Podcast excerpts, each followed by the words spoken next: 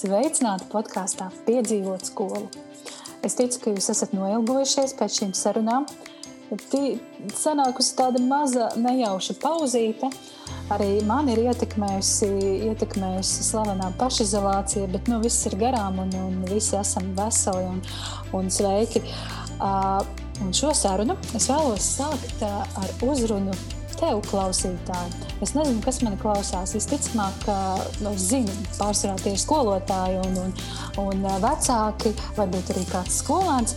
Bet man ir uzdevums tev tieši šobrīd, tev, klausītāji, iedomājies, kas tev iedod baltu lapu, uz kuras uh, pašā vidū ir uzzīmēts melns, melns plankums. Un tagad tavs uzdevums ir aprakstīt visu, ko tu šajā lapā redzi. Ko tu rakstīsi? Ko tu aprakstīsi?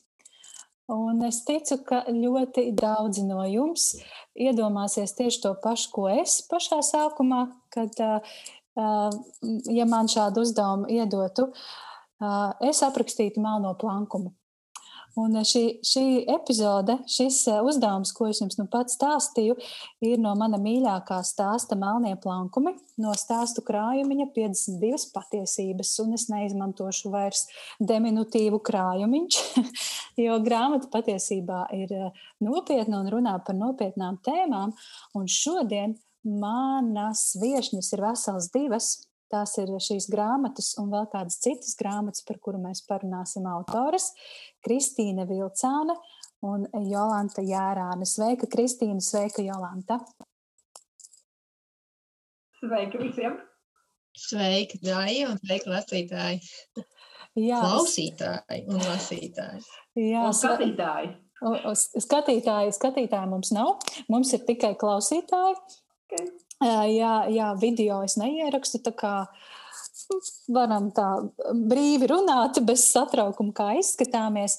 Bet jā, šis stāsts, melnie plankumi, kas man ļoti, ļoti aizķērās. Un, un tur tā ideja bija par to, ka uz lapas taču ir tik daudz baltuma, bet nes kāpēc mēs ieķeramies un, un rakstām un domājam tieši par to, par to melno pusi un par to melno plankumu man tāds ātrs filozofisks jautājums jums abām. Kāpēc? Kāpēc tas tā ir? Kā jums liekas? Es laikam sākšu, jo uh, vien, Melnie plankumi ir arī viena no manām, maniem mīļākajiem stāstiem šajā grāmatā. Un man šķiet, ka tas ļoti spilgti raksturo vispār mūsu sabiedrību kopumā. Nu, es nedomāju tikai Latvijas sabiedrību, vispār cilvēci kā tādu. Uh, Jo mēs ļoti bieži tendējamies uz to, ka mēs meklējam kaut kādas problēmas vai kaut kādas aizķeršanās situācijās, un tad cenšamies tās risināt izmisīgi. Tā vietā, lai palūkotos uz iespējām, kas arī ir turpat mums blakus, un mēs viņus vienkārši kaut kādu iemeslu dēļ nepamanām.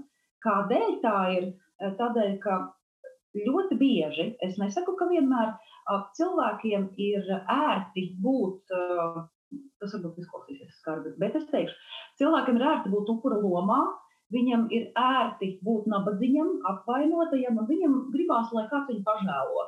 Tādēļ, ieraugot pozitīvo, ieraugot iespējas, ieraugot izaicinājumus apkārt, man neviens jau nemetīsies viņu žēlot, un viņš nebūs tas, tas upuris varbūt pat. Tādēļ es domāju, ka tas ir viens no galvenajiem iemesliem, kādēļ mēs meklējam tos melnos plaukumus it visā. Nu, spilgts piemērs tagad ir mūsu Covid laiks šobrīd, un mēs varam vienkārši distancējoties no situācijas, pavērot, kā katrs mēs uztveram šo situāciju. Neaicinu nevienu neievērot pašaizsardzības un, un distancēšanās nosacījumus, bet attieksmē ir milzīgs spēks. Un to mēs bieži aizmirstam. Mm. Ja es varu piebilst, tad eh, tīri no tāda arī smadzeņu viedokļa ir tā, ka eh, mēs esam tendēti arī tīri zinātniski pamanīt eh, to, no kā ir jābaidās, to, no kā ir jāuzmanās. Un tas visbiežāk ir tas negatīvs negatīvais. Un, un tad mūsu fokus bieži vien aiziet uz turieni pat automātiski. Un tad tā foršā lieta, ka tas, tā, to balto, pla, baltās lapus pamanīšana ir trenējama lieta. Jā, tas, tas ir lieliski. Šis stāsts man deva cerību. Jo, jo es pilnībā piekrītu par to, cik viegli ir iekrist tajā upura lomā. Un, un tā kā šo, šīs sarunas klausās ļoti daudz skolotāju, kas kas kaut kā tā ir sanācis sabiedrībā, bieži vien mūsu sabiedrībā Latvijā ir šobrīd eh, nereti upura lomā. Nevienmēr, ne visur un ne visos gadījumos, bet kaut kā uh, plašsaziņas līdzekļos tas tā parādās. Un, uh, manuprāt, tas ir absolūti greizi. Un, un es jau atkal gribu aicināt pedagogus jā, saskatīt savā profesijā to, to spožo pusi, to balto pusi, tās iespējas un uh, to, cik liels un labs darbs tas ir. Un, uh, kā, jā, neļauties šim paša žēlošanas ļaunumam, kurā es atklāti sakot, pati biju iekritusi un, un varbūt pat nedaudz arī esmu. Bet jā, stāsts melnie plankumi un šādu stāstu grāmatā 52 patiesības ir ļoti daudz. Jolanta un Kristīna, jūs esat kopā divi tā uzrakstījušas veselas divas grāmatas. Nu, pieminētā 52 patiesības un pirmā jūsu grāmata, ko es vēl neesmu nosaukusi vārdā, ir Naudiņš mācās saprast naudu. Abas šīs grāmatas man stāv tagad blakus. Naudiņas esmu izlasījusi, 52 patiesības man vēl mazliet ir palicis, vēl daži stāsti man ir jāpiedzīvo. Uh, Un par naudu es varu teikt, tā, klausītāji, tūlīt būs Ziemassvētki. Meklējiet, lūdzu, šo grāmatu rokā, jo tas ir absolūti vajadzīgs ikvienā ģimenē. Es, eh, es jau jums minēju, ka es noklausījos jūsu sarunu ar, ar Āri Birzi. Pirms, pirms mēs sākām sarunu, es paklausījos, ko jūs stāstījāt viņam, un es piekrītu, ka nauda mūsu sabiedrībā ir tabū tēma. Uh, Un es, piemēram, esmu absolūti neizglītota naudā, naudas jautājumos, un man, man šī grāmata bija kā tāds svaiga gaisa malks un, un tāda forša iespēja paraudzīties uz to vienkārši caur šiem diviem tēliem, naudiņu un jautriņu. Jā, pakomentējiet, vispirms sāksim ar naudiņu. Kā, kā tas tapa un kāpēc? Vai, nu, tur, tur mums ir tas uh, mūsu spēka stāsts. Es, es ticu, ka mēs katrs dzīvē dzirdam kaut kādu vienu teikumu, kurš var atstāt tādus nospiedumus, ka, ka Un, un mēs nekad nezinām, kurā brīdī mēs to teikumu dzirdēsim. Un tad, tas stāsts ir tāds, ka mēs ar Jolantu nu, jau tālākajā 16. gadā, 2016. bijām aizceļojuši uz eh, Londonu uz vienu tādu milzīgu semināru. Un tieši par naudu, jo tajā brīdī mēs eh, abas eh, sapratām, ka ir vajadzīgs vēl kaut kas, kaut kāds savādāks veids, kā cilvēkiem pastāstīt par to naudu, jo, jo klasiskais īpaši ne, nu, nedarbojās. Un, un tad mēs aizbraucām tur smelties iedvesmu, un, protams, tas eh, pirmais teikums, ko mēs ar Jolantu savā starpā runājām, bija lidmašīnā kad Jolanta, esam atvērtas visam, kas tur nāks, un ņemam pretī visu, kas tur būs. Un tas, laikam, bija tas, eh, tas viens no teikumiem, kad mēs noskaņojāmies. Un tad nākamais jau bija tajā Londonā. Tur, manuprāt, otrajā dienā, tas bija trīs dienas seminārs, un otrajā dienā no skatuves skan teikums: uh, ik viens var sarakstīt grāmatu, un ne jau nu, tādā nozīmē, ka uh, tas ir kaut, kas, kaut kāda niecība, bet tieši otrādi, ka ikvienam no mums ir kaut kas tik liels iekšā, ka to būtu vērts nodot tālāk. Un uh, otrs teikums bija, ka viens var noskriet desmit kilometrus. Un es atceros, ka mēs ar Jolantu tur sēdējām un smējāmies vienu par otru.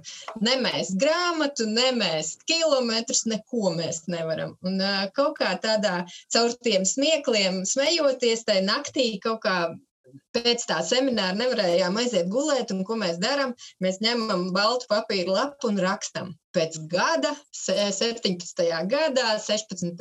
aprīlī, iznāk mūsu grāmata.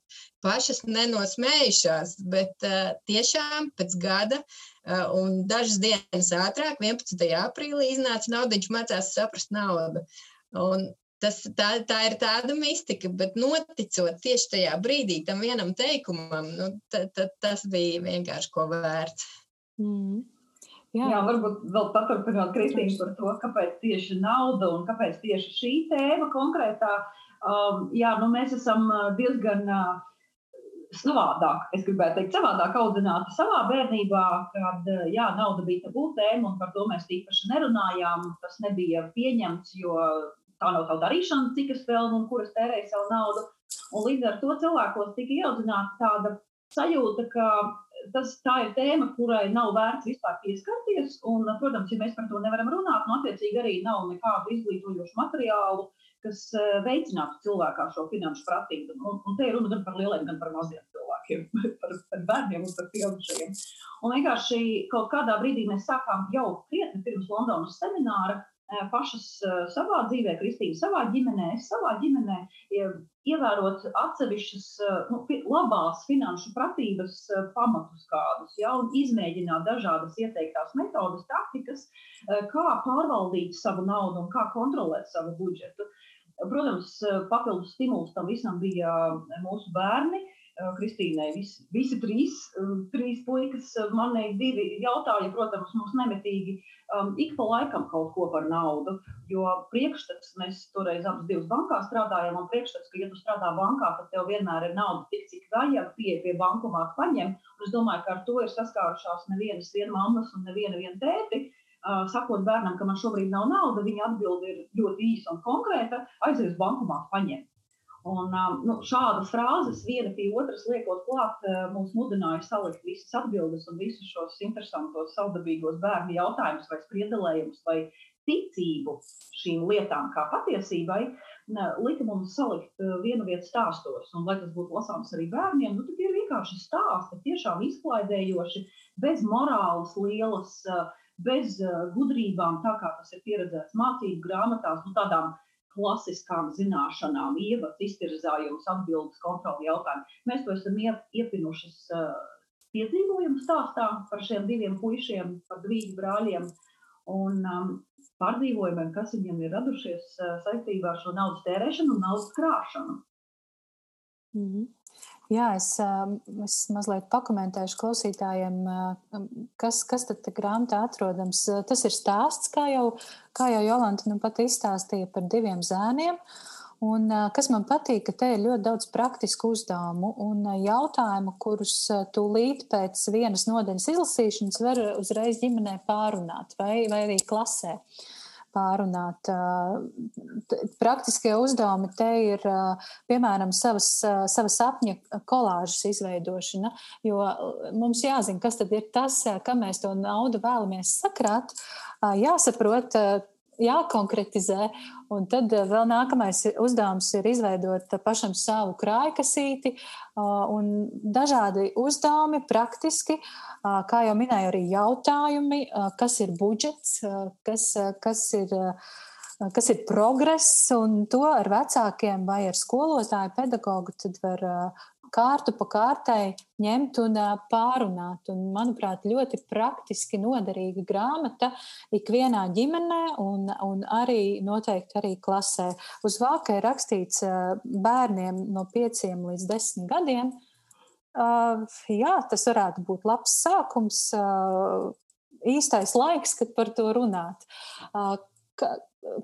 Mazliet pastāstiet, jūs teicāt, ka no savas pieredzes visi stāsti ir, nu, šī, šie, šīs epizodes, šie notikumi ir veidojušies, bet man patīk runāt arī par rakstīšanu un grāmatām un, un to tapšanu, kā divi autori Jūs esat divas, kā jūs, esat, sas, kā jūs sastrādājāties, kura ko darīja? vai, vai viena rakstīja, rakstīja, vai abas rakstījāt, un, un mazliet ieskicējāt šo procesu. Man tas ļoti interesē. Nu, man, man šis jautājums vienmēr patīk un, un arī pārsteidz, jo, jo šķiet, ka tiešām tas šķiet drusciņi jocīgi, kā var divi autori būt uz vienu viļņu, bet tas, laikam, ir arī tas, kas mūs ar Jolantu vieno, ka mēs vienu otru ļoti labi jūtam un papildinam. Un tās, Un, un otrs, ka mēs nejaucamies otras puses lietās. Tas nozīmē, ka nu, mums ir tā sadalījums tāds, ka es esmu metaforās, es dzīvoju metaforās, es redzu tos, nu, kā, tas, kā tas varētu izskatīties, un tad es uzbūru kaut kādu metaforu, un kam tur jābūt ir kādai mācībai iekšā. Savukārt Jolanta uzreiz paņem to metaforu un, kā, nu, piemēram, māla pikucīti un, un taisa tur to smuko to krūzīti vai vāzīti apburot. Kā man vienmēr patīk teikt, Jolanta vienmēr saka, un tad aizsmaržoja rudens. Es mūžam tā nevarētu iedomāties, ka rudens var aizsmaržot. Un tas ir tas, ko Jolanta kā saliek kopā. Viņa tiešām uztaisa to vāzi, jo es iedodu tikai to kaut kādu mālu pikucīti materiālu. Mm. Bet kas ir vēl otra lieta, ko Kristīna dara? Ne tikai dzīvo metaforās, bet tās metaforas māca arī lieliski sastruktūrēt. Uh, nu, tāda ļoti analītiska un loģiska pieeja Kristīnai ar visām lietām. Un, ja mēs piemēram par šo pirmo grāmatu runājām, tad tas bija nu, burtiski desmit minūšu prāta vētra, kur mēs salikām ātri um, galvenās tēmas, uh, par kurām mēs ikdienā iepriekš ar saviem bērniem esam runājušas, un uh, kas ir tās aktuālākās. Un, jā, nu, tas loģiskais un tā struktūra nāk Kristīnai līdzi paralēli, vai es nezinu, virs vai zem metaforām, bet tas viss kaut kā ļoti labi viens otru papildina. Un, jā, nu, man liekas, ka viens no svarīgākajiem iemesliem, nevis iemesliem, bet priekšnosacījumiem labai sadarbībai, jā, ir, ir uzticēties vienam otram. Un, tā kā Kristīna teica, un, nu, varbūt jā, tur nejaukties vai nemācīt nu, to. Es neesmu gudrāka vai spējīgāka metaforās, tāpēc es vienkārši Eh, nediskutēju par šo tēmu, un Kristīna to jūt labāk. Savukārt es eh, ap, aptinu katru vienkārši nepaplašinātu teikumu par paplašinātu ar dažādām metaforām vai kaut kādiem epitetiem.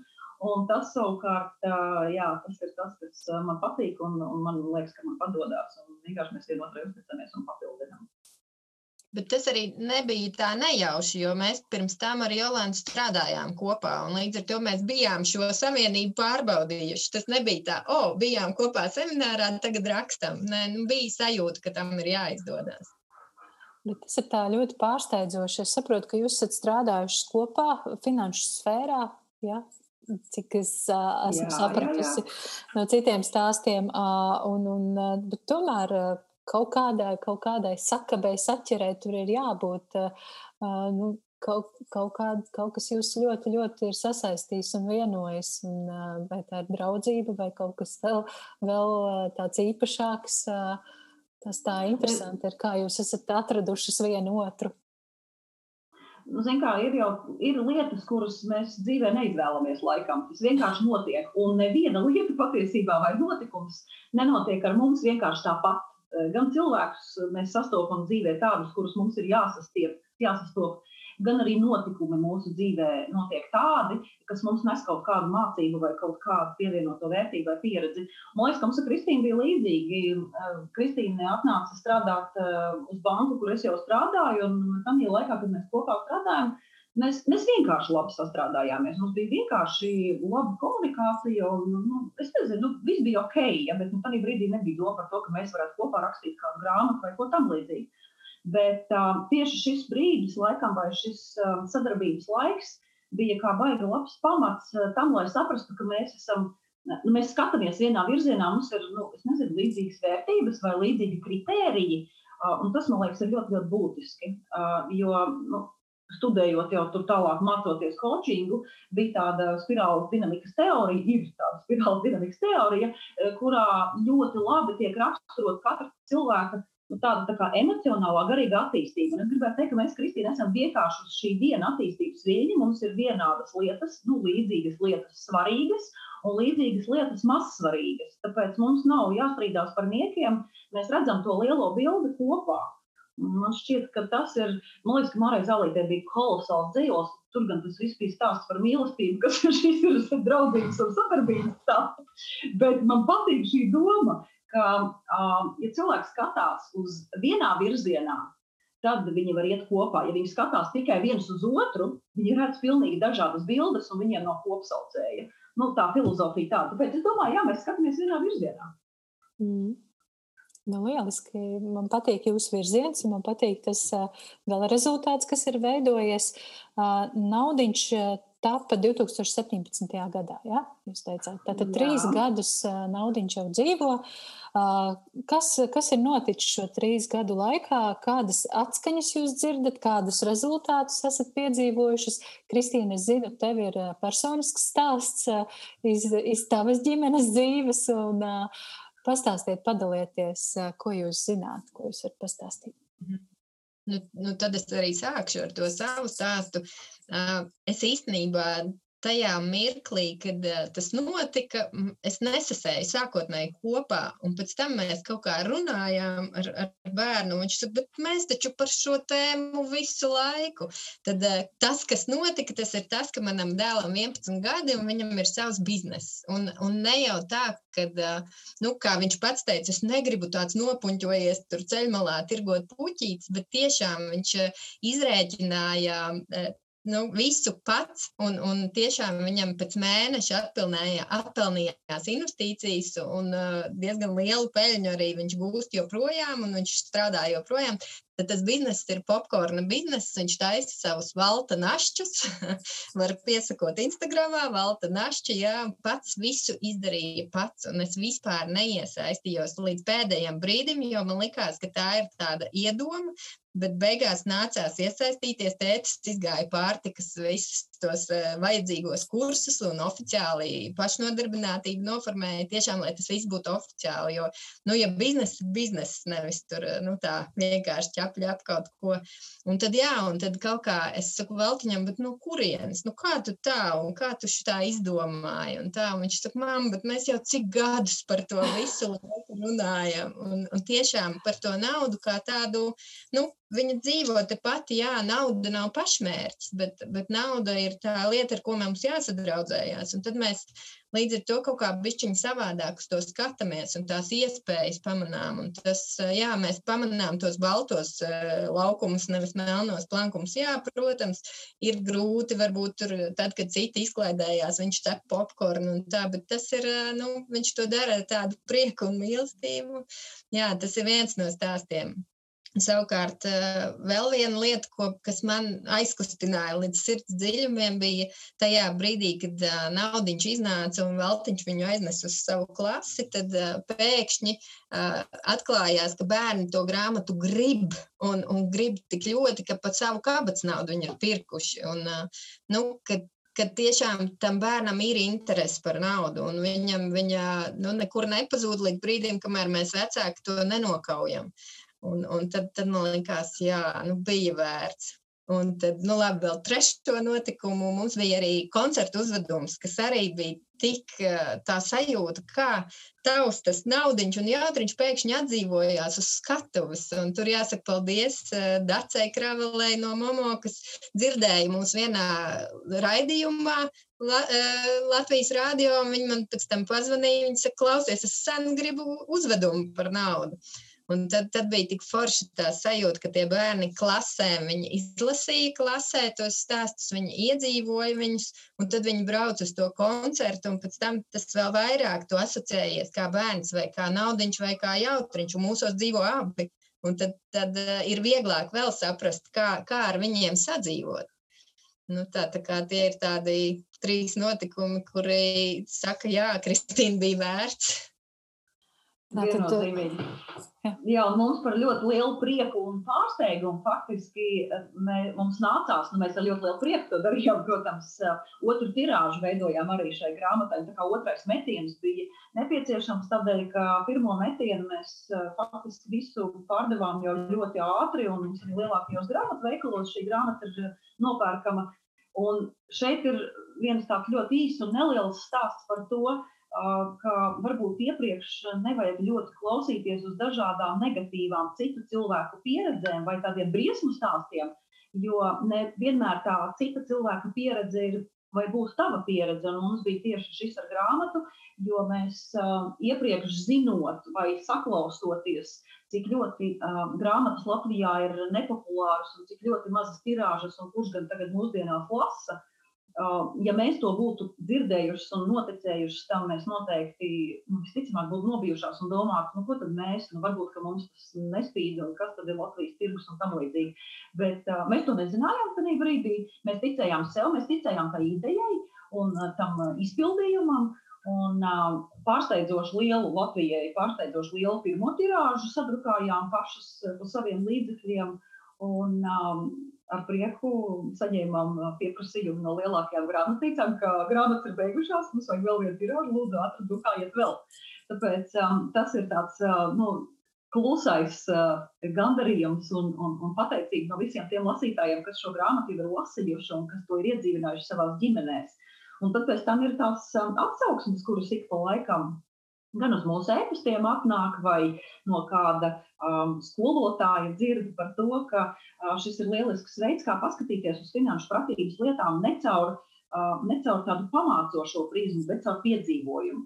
Jo nu, šis, uh, šis stāstīšanas kults, varētu teikt, vai nu, latviešu runājot, storytellings, aizrauja gan liels, gan mazus. Un mēs varam gūt brīnišķīgu mācību vai brīnišķīgu pieredzi uh, um, klausoties stāstus un, un, un izdzīvojot tos ar citiem varoņiem, un pēc tam izanalizējot, paņemam sev to, kas mums vislabāk patika.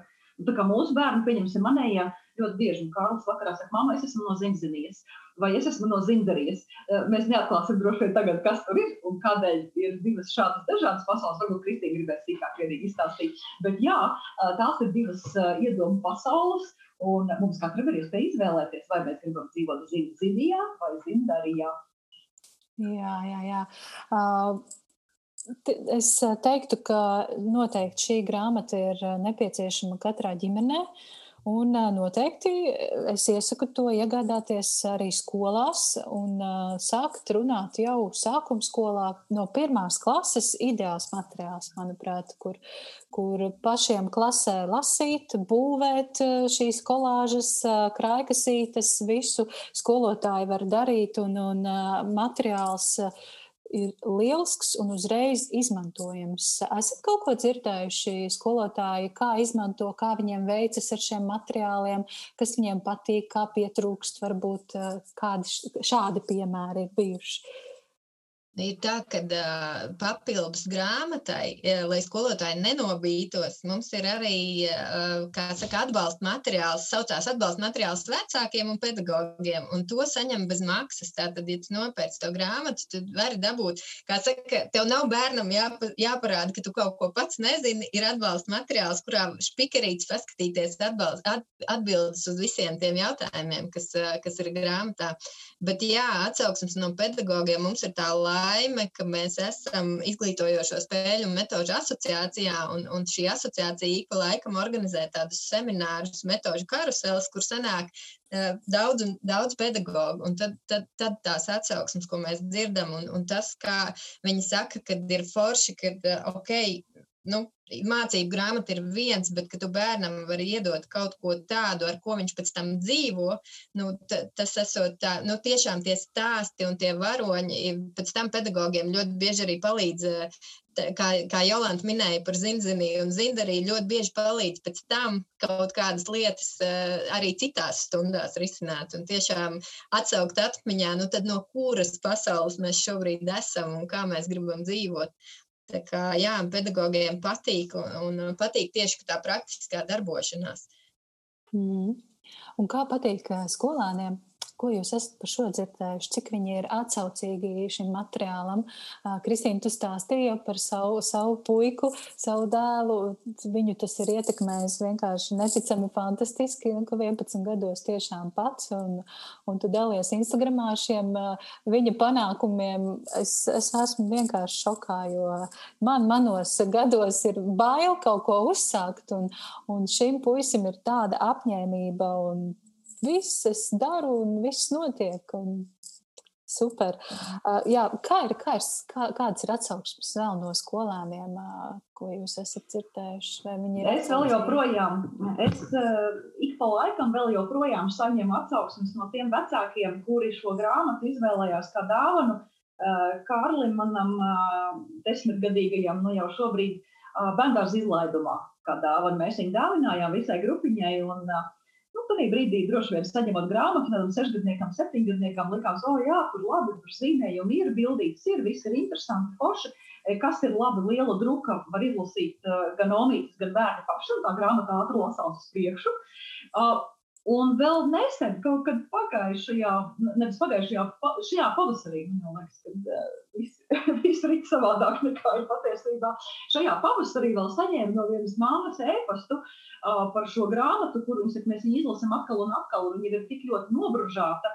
Uh, tas ir tāds pēdējais svaigākais. Um, Svēdējā, pēdējā svaigākā atsauksme, četrus gadus, un jau ir jaunākā māsiņa, jau piesēdusies lasīt šo grāmatu. Un tāpat arī vēl joprojām ir skolā tās ieteicamās literatūras, vai nu, mums skolā kādreiz saucās ārpusskolas lasīšana, ja, kur vajadzēja mājās kādu grāmatu lasīt un pēc tam stāstīt par šo. Nu, protams, ka Kārlis viņu ir izlasījis un izstāstījis saviem klases biedriem jau pagājušajā gadā, un par to visu bija interese. Un, un, un, un tāpat bērni ne tikai paši lasa un mācās, bet iesaista ģimenes, iesaista savus vecākus.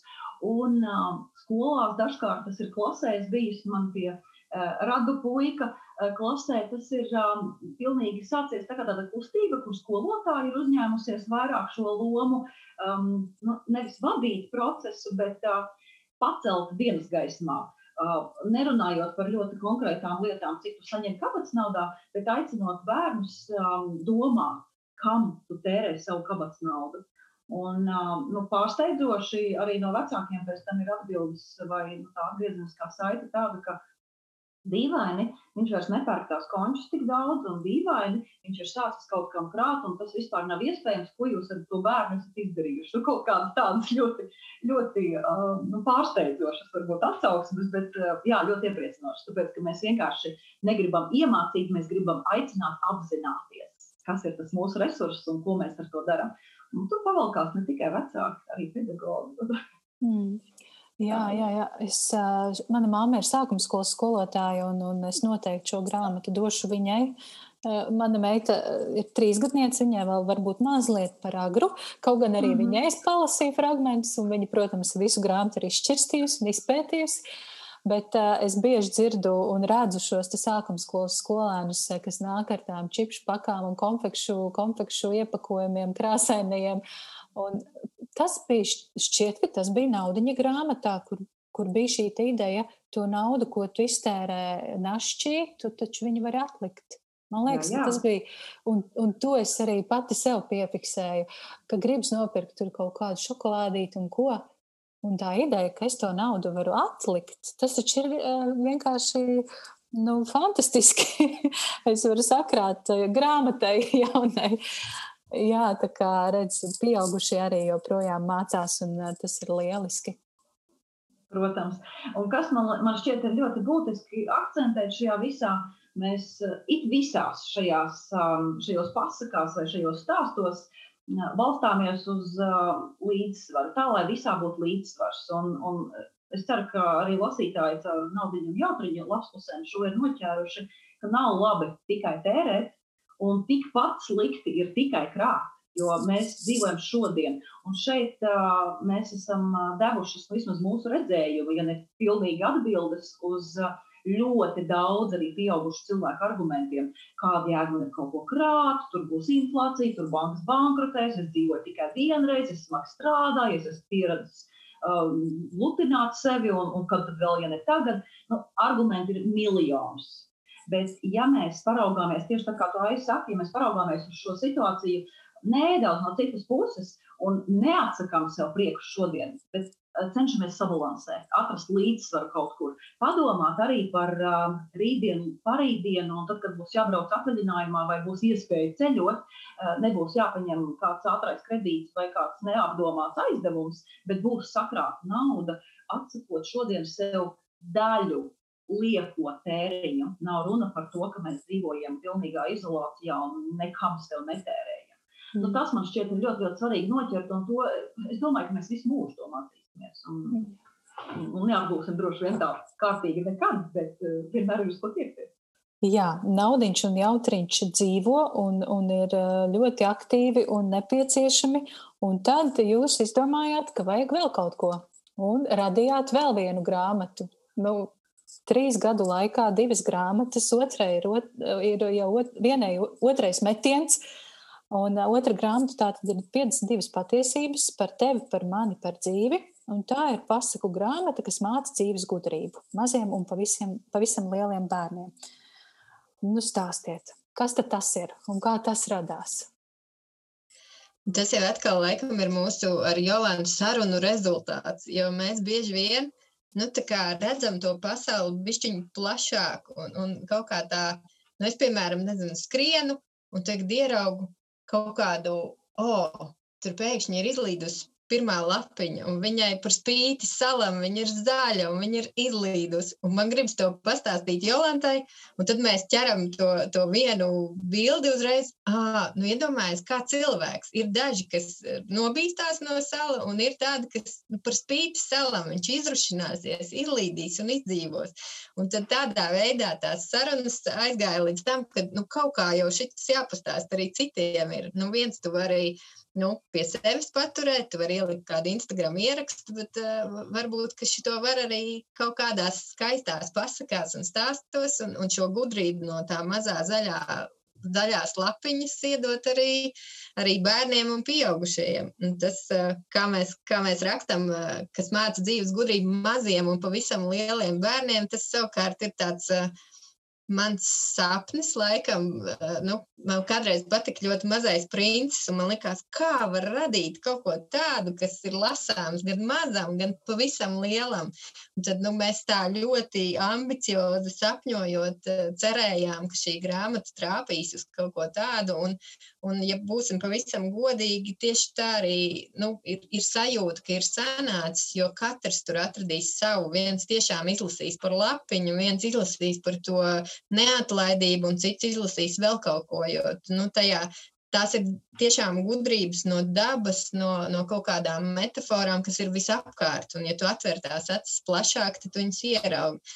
Tad, ko mēs mēģinājām ar Jolantu, šīs eh, nu, ietērpt vārdos, ietērpt stāstos, ar kuriem tiešām mēs paši spējam asociēties. Jo bieži vien jau ir tādas kaut kādas izaugsmas grāmatas, kur tu lasi, un tev ir sajūta, nu jā, nu, tas Amerikā dara, bet ne Latvijā. Un tāpēc mēs mēģinājām tos stāstus caur caur tiešām reāliem. Nu, tur, kā, kā man viens bērniņš pienāca klāt, viņš saka, Kristīna, mēs nopirkām grāmatu par jūsu ģimeni, jo tur ir izmantoti reāli piemēri. Un, un, un tiešām man liekas, ka kaut kāda 80% ir arī pašu piedzīvoti un, un pārdzīvoti un, un ļoti personīgi tie stāsti. Jā, tas, tas bija viens no maniem jautājumiem, cik daudz tajā ir pašu piedzīvotā. Un, un tiešām jums ir tik prātīgi bērni visām, abām. Visi ir tik prātīgi. Noteikti nē, nav tā, ka mums ir kaut kāda īpaša šajā ziņā. Bet ko mēs darām ikdienā? Nu, varbūt tas ir jau tāds jā, iegājies ieradums foršs bet mēs um, nu, pašas analizējam skaļi, tad, kad ir kaut kas noticis, kaut kāds notikums, vienalga vai labs vai slikts. Mēs um, izrunājam šo savā ģimenēs un cenšamies gūt kaut kādu atziņu vai mācību no tā, kas notika. Un tas noteikti bērnos arī ir. Uh, radījis tādu priekšstatu, ka nu, nav labu vai sliktu lietu. Ir lietas, kas tev dod mācību, un ir lietas, kas tev dod mazāku mācību, vai nu, gandrīz nekādu mācību, piemēram. Ja? Un tāpēc, nu, es nezinu, vienkāršākie stāsti. Mēs visi esam ar šādām situācijām sastapušies. Mēs, piemēram, vasarnīcā nu, jau pirms vairākiem gadiem uh, remontējām šķūnītim jumtu. Tur vīrs lika jaunu klājumu tam jumtam, un, nu, kā, nu, ir vienkārši trepas pieslietas pie jumta, un viņš tur kāpj augšā lejā. Kārlis vēl bija tad riktīgi mazs. Un vienkārši, vienkārši notikums. Kārlis uzkāpa augšā pa trepēm uz jumta. Mēs tur nācām ārpus, tur bail un tā. Bez tam mēs ar lielāko meitu Lauru sēžam un domājam, skaties, tas ir līdzīgi tā kā jebkurā dzīves situācijā. Tu gribi sasniegt kaut ko, tu gribi nonākt tur augšā, un tev ir jākāpj. Tu nevari teleportēties no zāles uh, uz šūnīšu jumtu. Un kaut kas no šī vienkārši mēs mēģinām atrast tās nu, metafāras, ja, vai tās dzīves gudrības, kuras mums ir deguna galā, kuras mēs vienkārši nepamanām. Uh, tāpēc, ka nu, tam neatliek laika, tāpēc, ka mēs esam dažkārt uh, tendēti meklēt tos melnos plankumus, kā jau mēs arī savos stāstā minam. Um, un vēl viens tāds pamudinājums, kādēļ tieši šīs 52 patiesības bija uh, vienkāršas pasakas, kuras mēs saviem bērniem lasījām bērnībā, un ik pa laikam es lasu vēl joprojām. Nu, Kārlim nu jau vairs tikai Laurai ir 17, nu jau pasakas ir beigušās. Bet uh, mēs lasām pasakas par, uh, par nezinu, Ansītu un Krietiņu, par uh, sarkangalvīti. Un, uh, nu, lai man lai man piedod tie vecāki, kuri saka, ka viņas ir vienkārši kolosāls un tur māca visu tieši to, kas ir šodienai vajadzīgs. Es tam nepiekrītu. Es tiešām nepiekrītu. Un, ja man kāds pedagogs saka, ka Ansīts un Grietiņa ir kolosāli pasaka, jo viņi māca tur par, es nezinu, par ko viņi māca. Viņi māca par vecāku cietsirdību. Un es neesmu gatava savam bērnam iedot šādu dzīves patiesību. Jo bērnībā vienīgais dievs bērniem ir vecāki pēc tam tālāk skolā tie ir pedagogi, kuri viņiem pastāsta, kā šī pasaule ir iekārtota. Un, ja es tajā brīdī viņam sāku stāstīt, ka tas ir normāli, redz, kur es atbalstu šādus stāstus, es nenoliedzu um, literatūras klasiku, bet man šķiet, ka šie senie stāsti ir vairāk piemēroti šobrīd tādai nu, nu, tā tādai vēsturiskai relikvijai, tādā plauktā liekami. Bet mūsdienu patiesības un mūsdienu vērtības ir nedaudz savādākas. Jo tās pasakas, kas kādreiz pirms 100, 200 vai vairākiem simtiem gadu tika radītas, tās tika radītas parastajai tautai, lai mierinātu parasto tautu, ļautu ticēt brīnumam, nemodinātu viņos dumpīgumu un sacelšanos pret pastāvošo varu un iekārtu. Tas ir jau viduslaikos tā jau ir bijis. Vienkārši iedot, barot viņus ar cerību. Un no turienes arī ir ļoti daudz eh, šādu stāstu, kas eh, nāk eh, līdz mūsdienām un kas aicina mūs ticēt brīnumam. Nu, nu, esam reāli. Nu, jā, mēs varam laimēt loterijā, bet nu, arī tam ir nepieciešams konkrēts rīcības. Ir nepieciešama nauda un ir nepieciešama loterijas biļete. Un, un mēs kaut kā ar tām senajām pasakām tikai, manuprāt, iedodam bērnam nepilnīgus eh, signālus vai informāciju par to, kā viņam šajā pasaulē šodien ir jādzīvo, jo laiki ir mainījušies, mēs vairs nedzīvojam viduslaikos. Un, eh, attiecīgi, arī vērtības ir citas. Ir nepieciešama uzdrīkstēšanās, ir nepieciešama neatlaidība, ir nepieciešama līdzjūtība un ir nepieciešamība uh, apstāties, ieklausīties, pasniegt roku. Um, un uzsist pa plecu un uzmundrināt. Nu, tas viss eh, senajās pasakās diezko spēcīgi nav. Un tāpēc mēs eh, radījām savas pasakas, lai lasītu saviem bērniem un kāds cits vēl arī uh, saviem bērniem. Mm -hmm. Jolanta, es klausījos tavā stāstījumā, un uh, man šķiet, šos es, es esmu jau stāstījusi kādā citā sarunā, jo uh, es esmu diezgan liber, liberāla savā grāmatu izvēlē un tajā, ko es dodu savai meitai lasīt. Uh, bet man ir ļoti bail no klasiskajām pasakām. Un tieši no tām, kas, eh, kas, kas mani ir ietekmējušas bērnībā, eh, tā ka es joprojām savos 30 plus gados gaidu un ceru, ka manā vietā visu izdarīs labā feja. Eh, vai kā atjās, atjās kaut kāds brīnumains princis, kas pārvērtīs visu manu pasauli. Un tas ir bīstami. Jā, manai meitai ir viena pasaku grāmata, viņai tā ļoti patīk. Tur ir krāsaini zīmējumi un, un skaistas dāmas. Kas atkal ir bīstami. Nu, nav visiem jābūt perfekti skaistiem. Visiem ir jābūt tādiem, kādi mēs esam, un jā, jāpriecājas par to. Un, un, nu, manuprāt, šī pasaku nu, tā, Nu, filozofija, vismaz es par sevi varu teikt, ir tā, tik dziļi iekšā, ka to ir šausmīgi grūti izskaust. Un es ļoti vairos to, to mm, dzīves ziņu iedot savai meitai. Nu, nav tā, ka, ka darbs vienmēr ir tikums. Tev nav jāpārstrādājas līdz zili melnām pelītēm. Ir jāprot nu, tas, tas pats balans, ko mēs runājam jau iepriekš par naudu. Tās tērēšanu, jā. Un, Un, uh... Princis tev drīkst redzēt arī ne tikai skaistajā kleitā un kristāla kurpītēs, bet tādu, kāda tu esi patiesībā. Jā, jā. Tā kā, jā, tas ir tāds neliels atkāpe par šīm pasakām, kas es, jā, tas, tas ir diezgan biedējoši, jo es ļoti, ļoti negribētu, lai mana meita izauga ar tām sajūtām, kā, kā es esmu augusi. Jo It kā tā ir klasika, jā, viss ir forši pasakas. Eh, tās var uztvert arī vienkārši kā pasakas, kā stāstus, kā literatūru. Bet tomēr tā, es vienmēr lasu meitai priekšā, man, man gribas cenzēt brīžiem, es, bet es saprotu, ka tas ir arī diezgan bīstami. Tur tāds kaut kāds vidusceļš jāatrod.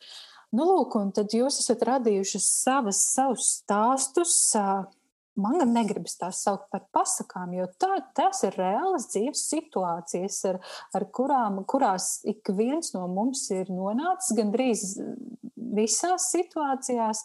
Un, un man aizķērās ne tikai šīs, šīs stāsts melnie plankumi, bet arī vēl viens, kuram taisnība, kas bija par, par puiku, kuram, kuram ir jauna jaka. Uh, Un tad viņam visu laiku kāds komentē, vienam ļoti patīk, otram nu, nepatīk, vajadzēja citu krāsu. Un tad džemperi viņš uzvelk tur nākamajā dienā, un atkal vienam patīk, un citam nepatīk. Kā tad dzīvot? Un tas ir par šiem viedokļiem, cik ļoti mums svarīgs ir viedoklis citu un kā tas mūs ietekmē.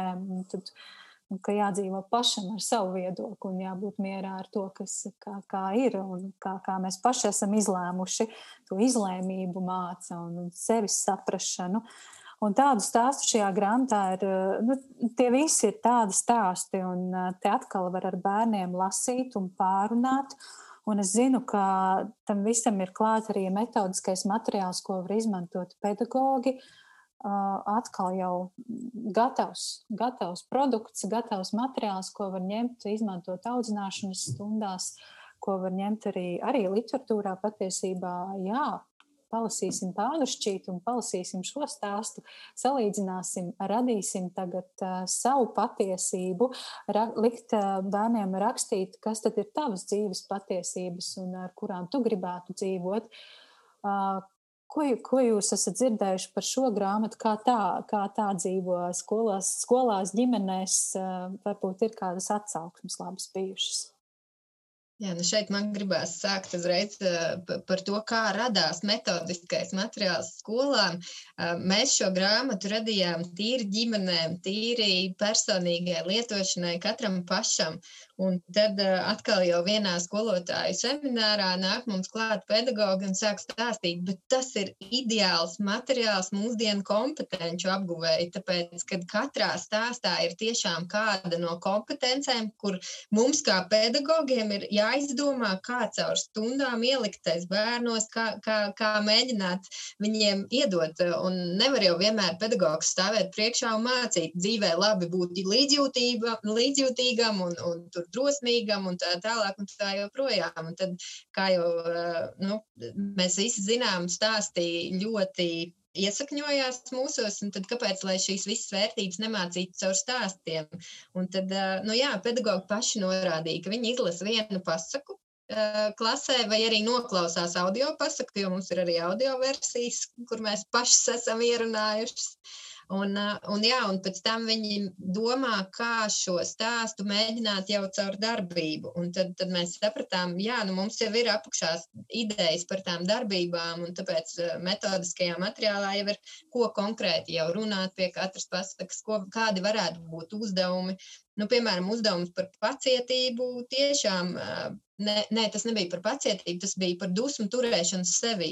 Un, ja tu turi sevī dusmas, sākotnēji jau tas netraucē. Bet ar laiku nu, tu paliek ar vien grūtāk un grūtāk. Un tad tiešām uzdevums klasē, nu, paņemam to vienu ūdens glāzi, turam ar roku un, un skatāmies, nu, sākotnēji taču ir ļoti viegli.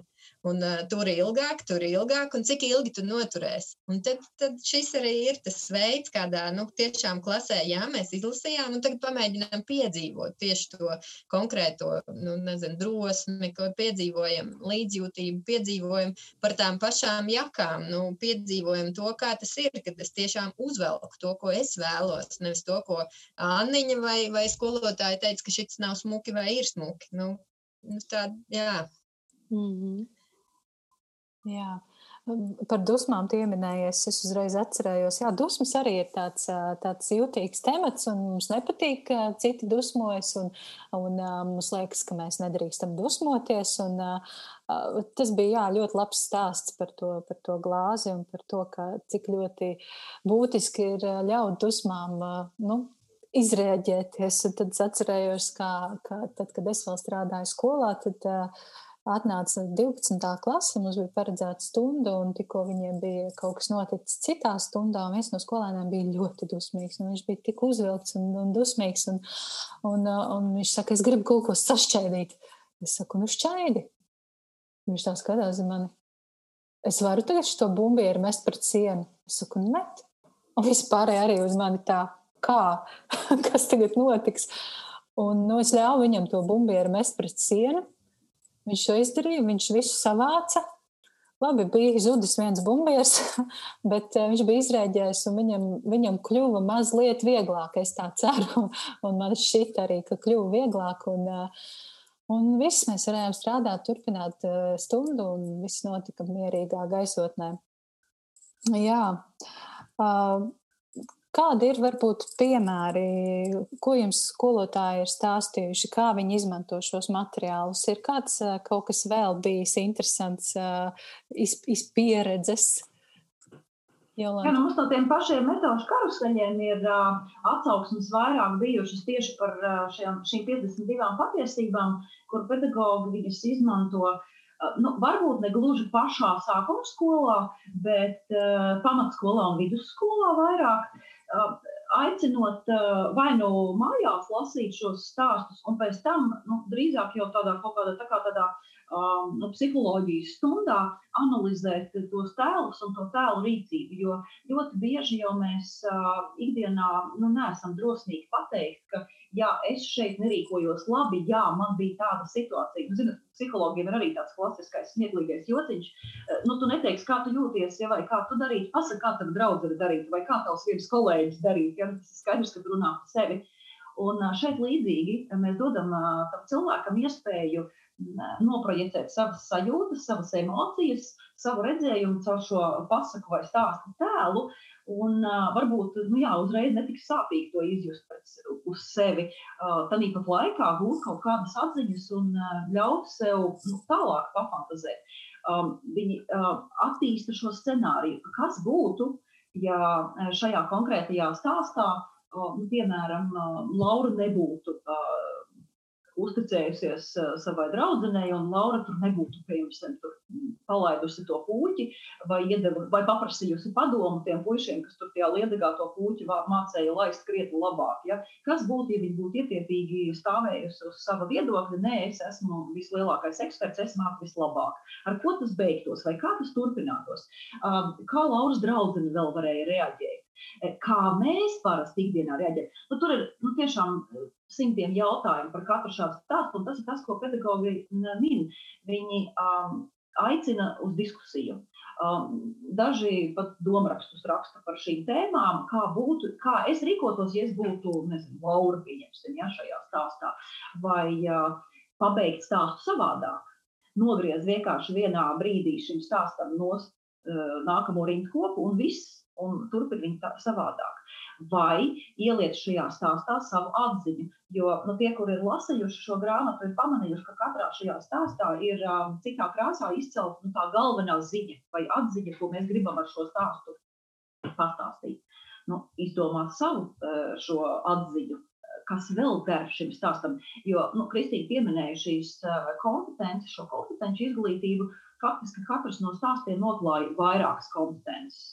Un mēs nerunājam šajā vienā konkrētajā stāstā tikai par drosmi, vai tikai par uzņēmību vai neatlaidību. Mēs runājam par vairākām lietām. Nu, tad uh, pagriežam šo stāstu no citas puses. Un tad vēl kas ir tas interesantais. Uh, Daži gan tikai uh, mums ir iedevuši atgriezenisko saiti, jo mēs šīs uh, kompetenci lapas vai palīdzību materiālu salīdzinoši nesen radījām. Uh, Um, viņi mēģina eh, tiešām praktizēt reāli klasē, nu, tad, kad tas vēl bija iespējams klasē, šobrīd attālināti, droši vien tas būtu jādara, uh, bet um, praktizēt šīs uh, nedēļas uzdevumu. Jo nu, ir katram šim stāstam uh, atbalsta lapā, ideja lapā, klāt arī konkrēts uzdevums, kā šo prasmi uh, izdzīvot, kā Kristīna saka. Un tad, eh, jā, tas ir izaicinājums. Tas ne tikai saliedē klasi, eh, ne tikai eh, palīdz atbalstīt vienam otru vai iepazīt otra kādas citas raksturas čautnes vai prasmes vai spējas, bet jā, nepiespiestā veidā aicina fokusēties uz konkrēto kaut kādu jautājumu vai tēmu. Nu, tādi nu, ļoti praktiski, faktiski, faktiski ļoti praktiski. Jā, liels, liels paldies par uh, idejām, metodiskajām idejām, ko uzreiz pedagogi var ņemt un izmantot. Tik jātiek pie, tā, pie, pie, pie, pie tām jūsu grāmatām. Un kā, kā pie tām var Jā. tikt? Es zinu, ka ir mājaslapa, jūs tūlīt pastāstīsiet, kā to sauc, precizēsiet. Es esmu redzējis jūsu grāmatas Jāņa Rozes grāmatnīcās. Jā, stāstiet, stāstiet visu, kur, kur ko var nopirkt un dabūt. Jā. Nu, mūsu mājaslapā būs visērtāk, un bieži vien, bieži vien arī kaut kādas akcijas, un, un tieši atbalstot pedagogus, cik pa laikam taisam. Tas ir 50, www.52 pakāpienu.lv. Varbūt uzreiz, lai vieglāk atcerēties, kāpēc 52 pakāpieni, tāpēc, ka gadā ir 52 nedēļas, un jebkurai izaugsmē ir vajadzīgs laiks. Tā, tad, Jā, un, un pašas grāmatas vēl ir pieejamas. Jā, lielākajās grāmatnīcās ir gandrīz, man liekas, visās Jāņa Rozes grāmatnīcās, ir uh, lielākajās zvaigznes grāmatnīcās, ir uh, tavas metodas.lv, kur starp citu pedagogiem ir ļoti daudz dažādu materiālu, ko izmantot. Uh, tad ir lielākajos Rimī, manuprāt, pat ir, uh, tad ir Globusā, vienvārdu sakot, esam, esam visur, kur mūs meklē. Un, ja kaut kur neesam, tad dodiet ziņu. Mm -hmm. uh, ir tā, tad ne tikai divas grāmatas, bet ir arī uh, kārtas, attīstības kārtas, uh, ir asociāciju kārtas ar, ar mākslinieces Agnes Kalves zīm, zīmējumiem, kas ir zīmējusi arī grāmatā šīs ilustrācijas. Uh, jā, vēl kaut kas varbūt ir, ko es neesmu pieminējusi. Laikam, laikam viss ir pieminēts. Naudiņš ir eh, krieviski un angliski. Mm. Mm -hmm. un, un, jā, un mākslinieci, tiešām mākslinieci ir arī mums interesants stāsts. Tā ir Jolantas māsa. Tā kā mm. mēs te visi esam vienā čupiņā. Mm -hmm. Nu, super. Nu, un ko tālāk? Trešā grāmata par ko? idejas jau visādas šādas tādas eh, rosās pa galvu. Eh, gan jau noteikti kaut kas arī būs eh, vēl nākošais, bet es domāju, ka virzienu mēs būtiski nemainīsim. Tas pats jau tāpat tās paliks. Tāda jēgpilna ikdiena, līdzsvars. Nu, tās varētu būt tās tēmas, kas, kas varētu vēl nākotnē parādīties. Vai kaut kāda savas ikdienas sistematizēšana varbūt. Vai, jā, tādas ikdienas rutīnas atvieglošana vai sakārtošana. Kaut kas mm -hmm. no mhm. šīs. Kā mēs ar Jolantu smējamies, mēs limitējam savas tikšanās, jo katrā reizē ir jaunas idejas. Tāpēc, ka mums vēl nu, par šīm grāmatām un pasakām vēl gribas, lai ar vien vairāk cilvēku uzzina un, un izmanto. Un tāpēc nu, tā, mēs radām un arī pašas uh, izplatām. Tas nozīmē, ka mums drusciņi jāsadala tie, tie spēki. Un, Jā, nu, tikko tiešām noslēdzās tas, ka mēs ierakstījām audio versiju pašas un pašas ierunājām. Tas bija tik izaicinoši, bet jā, tas arī bija jauns, jauns saka, virziens un, un par cik ļoti daudz iet uz to, ka nelasa grāmatas, bet klausās, tad mēs esam gatavi būt arī tur. Mm -hmm. Lieliski, jā, šo es pat nepieminēju, ka tas ir jūsu pašu projekts no A līdz Z. Tas nav izdevniecības paspārnē, bet uh, jūs pašas to organizējat un vadāt šo projektu. Abrīnoju jūsu apņēmību un, un spēku un, un to, kā projekts dzīvo un attīstās lieliski. Mēs varētu pamazām virzīties uz sarunas noslēgumu. Mans viens no pēdējiem jautājumiem būtu, kā, kādus jūs redzat mūsdienu jauniešus, bērnus, skolēnus un kādus jūs redzat skolotājus? Jā, labs jautājums. Es eh, pati sapņoju nonākt skolā, un man to izdevās piepildīt. Es šobrīd skolā esmu kā motu treneris, kas ir eh, nu, treneris jauniešiem, 7, 7 līdz 9 klase, kurš māca arī to pašu dzīves gudrību.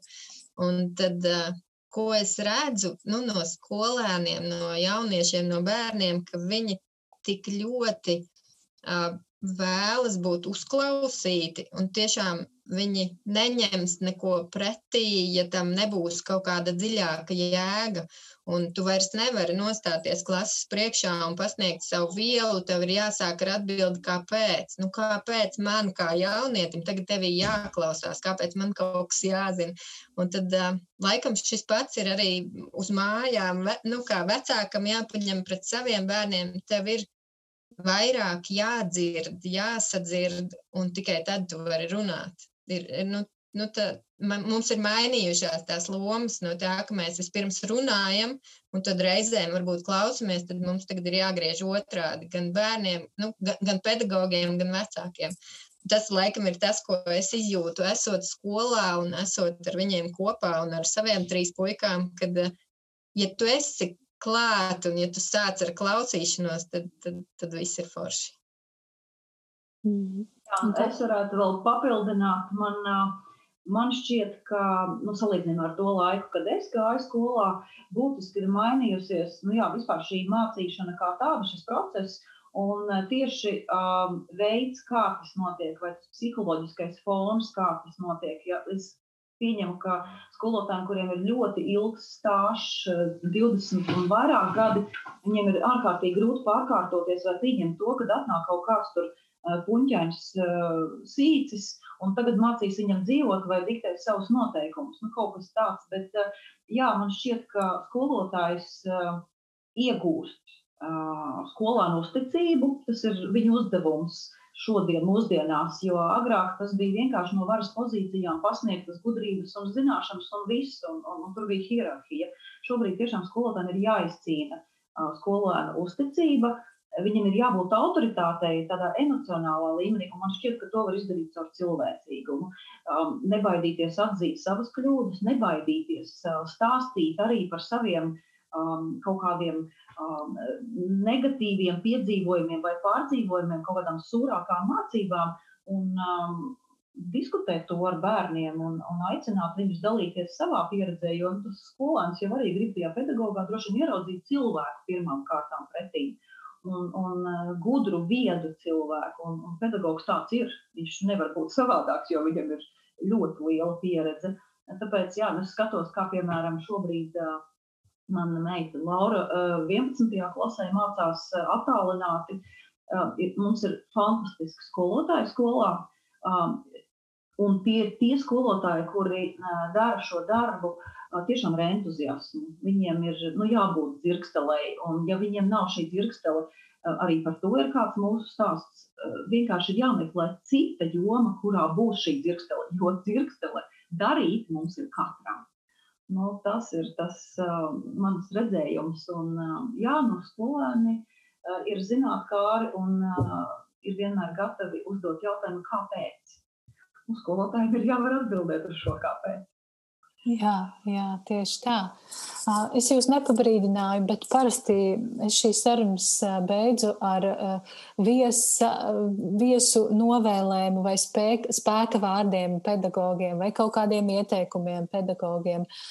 Jolanta jau daudz ko pateica no tā, bet varbūt tādu apkopojumu, ko jūs katra abas kopā vai katra atsevišķi gribētu pateikt, ieteikt, novēlēt pedagogiem.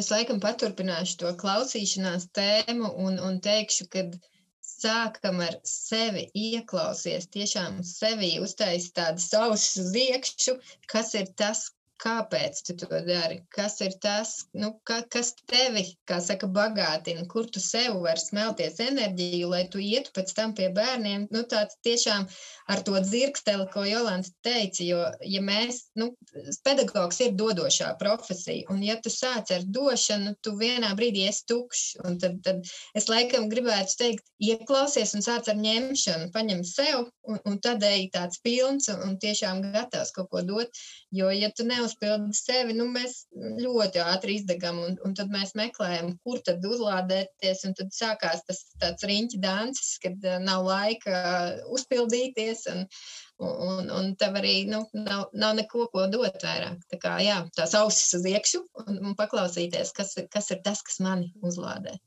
Super, lielisks ieteikums. Jolanta, vai tev būs kaut kas, vai, vai tu jau visu galveno esi pateikusi? Nu, visu galveno iespējams, ka es esmu pateikusi, bet es vēl gribētu tādus varbūt tās ceļvārdus novēlēt mums visiem, uh, kuri ir jebkādā saskarsmē ar bērniem, pusauģiem, jauniešiem, um, atcerēties to, ka mēs esam komanda. Um, it visā mēs veidojam attiecības uh, savstarpējās, un mums viņai ir jābūt šīm attiecībām kā komandas attiecībām, kur uh, viens atbalsta otru un otrs atbalsta vienu. Un uh, nav uh, pārāks un netik pārāks un vispārāks uh, pozīcijas šajā, nu, šajā, šajā kombinācijā. Un tāpēc man šķiet, jā, ka pedagogam ir, ir, ir forši apzināties, ka uh, skolēni ir uh, skolā, lai uh, mācītos no viņiem. Pedagogi ir vajadzīgi, lai dotu skolēniem. Un, nu, tā ir apusēja sinerģija.